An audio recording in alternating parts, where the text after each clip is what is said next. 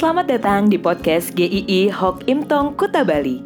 Penginjil Ray Reginaldi akan membagikan renungan harian singkat untuk membawa Anda mengenal dan menyembah Tuhan Yesus, bertumbuh dan menjadi murid Kristus, serta berdampak untuk banyak orang.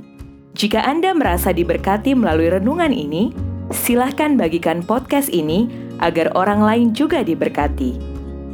Inilah renungan hari ini.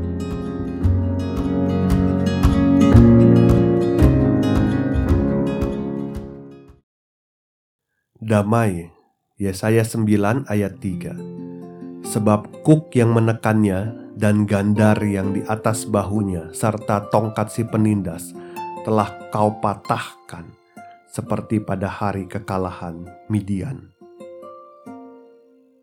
Salah satu kata yang identik pada saat Natal adalah damai. Natal penuh damai, damai Natal namun di tahun ini, mungkin banyak orang justru merasa tidak damai, menghadapi masalah yang seakan tanpa solusi. Masalah-masalah yang kita mungkin tidak mengerti tanpa penjelasan yang membuat hidup kita begitu terasa gelap. Mungkin ada di antara kita yang merasakan momen atau suasana Natal tahun ini sedang ada di dalam jalan yang kita tidak tahu arahnya ke mana. Mungkin kita menyaksikan rangkaian-rangkaian khotbah-khotbah Advent, lagu-lagu Natal, namun tetap dipenuhi dengan segudang pertanyaan. Natal ini ada yang menjalani dengan beban yang begitu berat. Pergumulan datang lagi justru menjelang akhir tahun ini. Ada foni sakit berat yang sangat mendadak ada keluarga yang berperilaku tidak sesuai dengan harapan begitu menyakitkan. Pekerjaan yang sudah terancam di PHK di ujung tanduk. Kesepian karena sepertinya tidak ada satu orang pun yang bisa mengerti dan menghiburkan kita.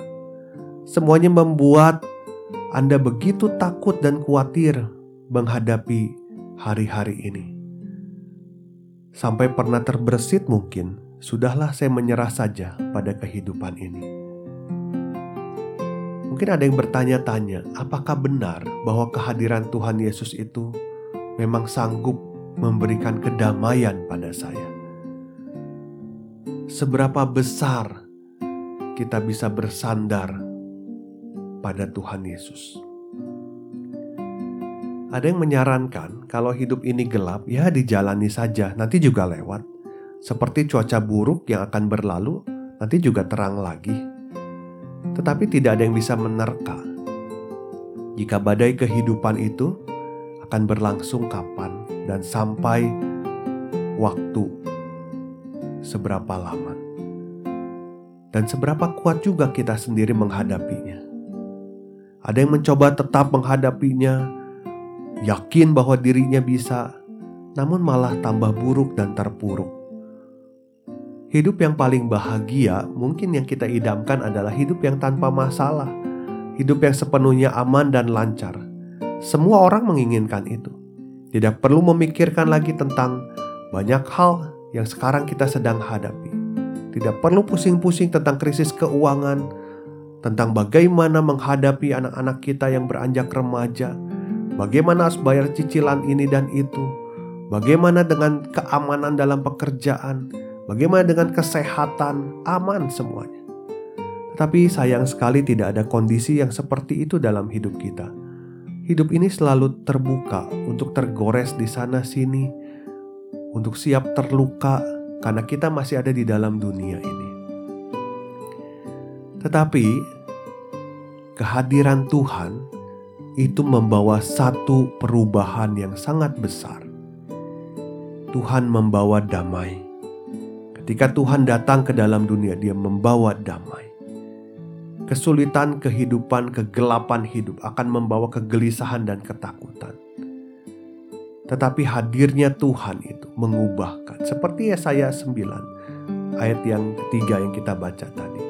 Sebab kuk yang menekannya dan gandar yang di atas bahunya serta tongkat si penindas telah kau patahkan seperti pada hari kekalahan Midian.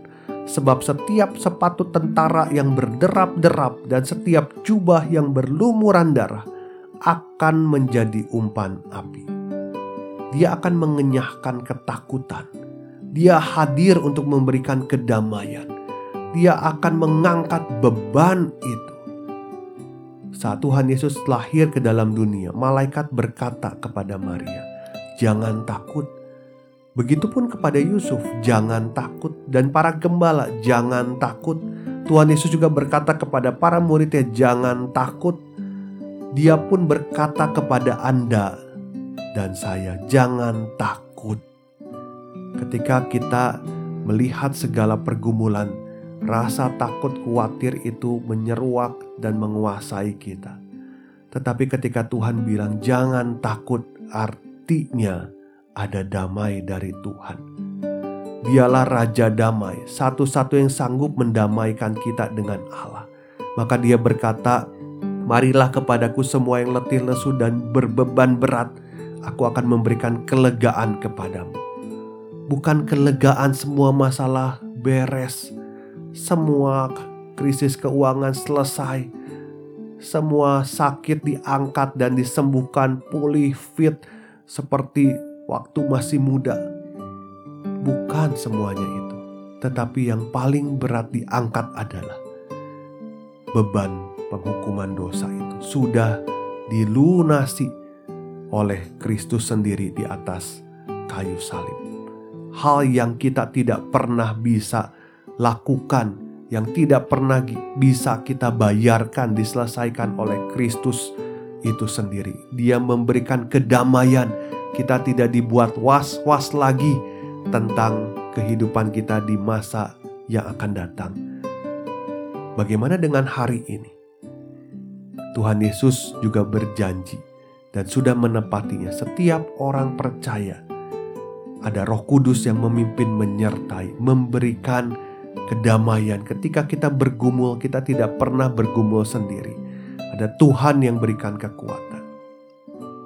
Semua kita pasti ingin masalah cepat selesai.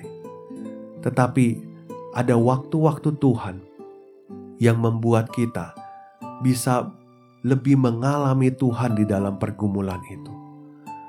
Mungkin ada di antara kita yang saat ini sedang jauh dari Tuhan dan di dalam kesulitan ini kita bisa kembali merasakan damai dari Tuhan. Mungkin ada di antara kita juga yang selama ini kita sudah setia mengikut Tuhan, tapi ada pergumulan juga. Itu wajar ada pergumulan.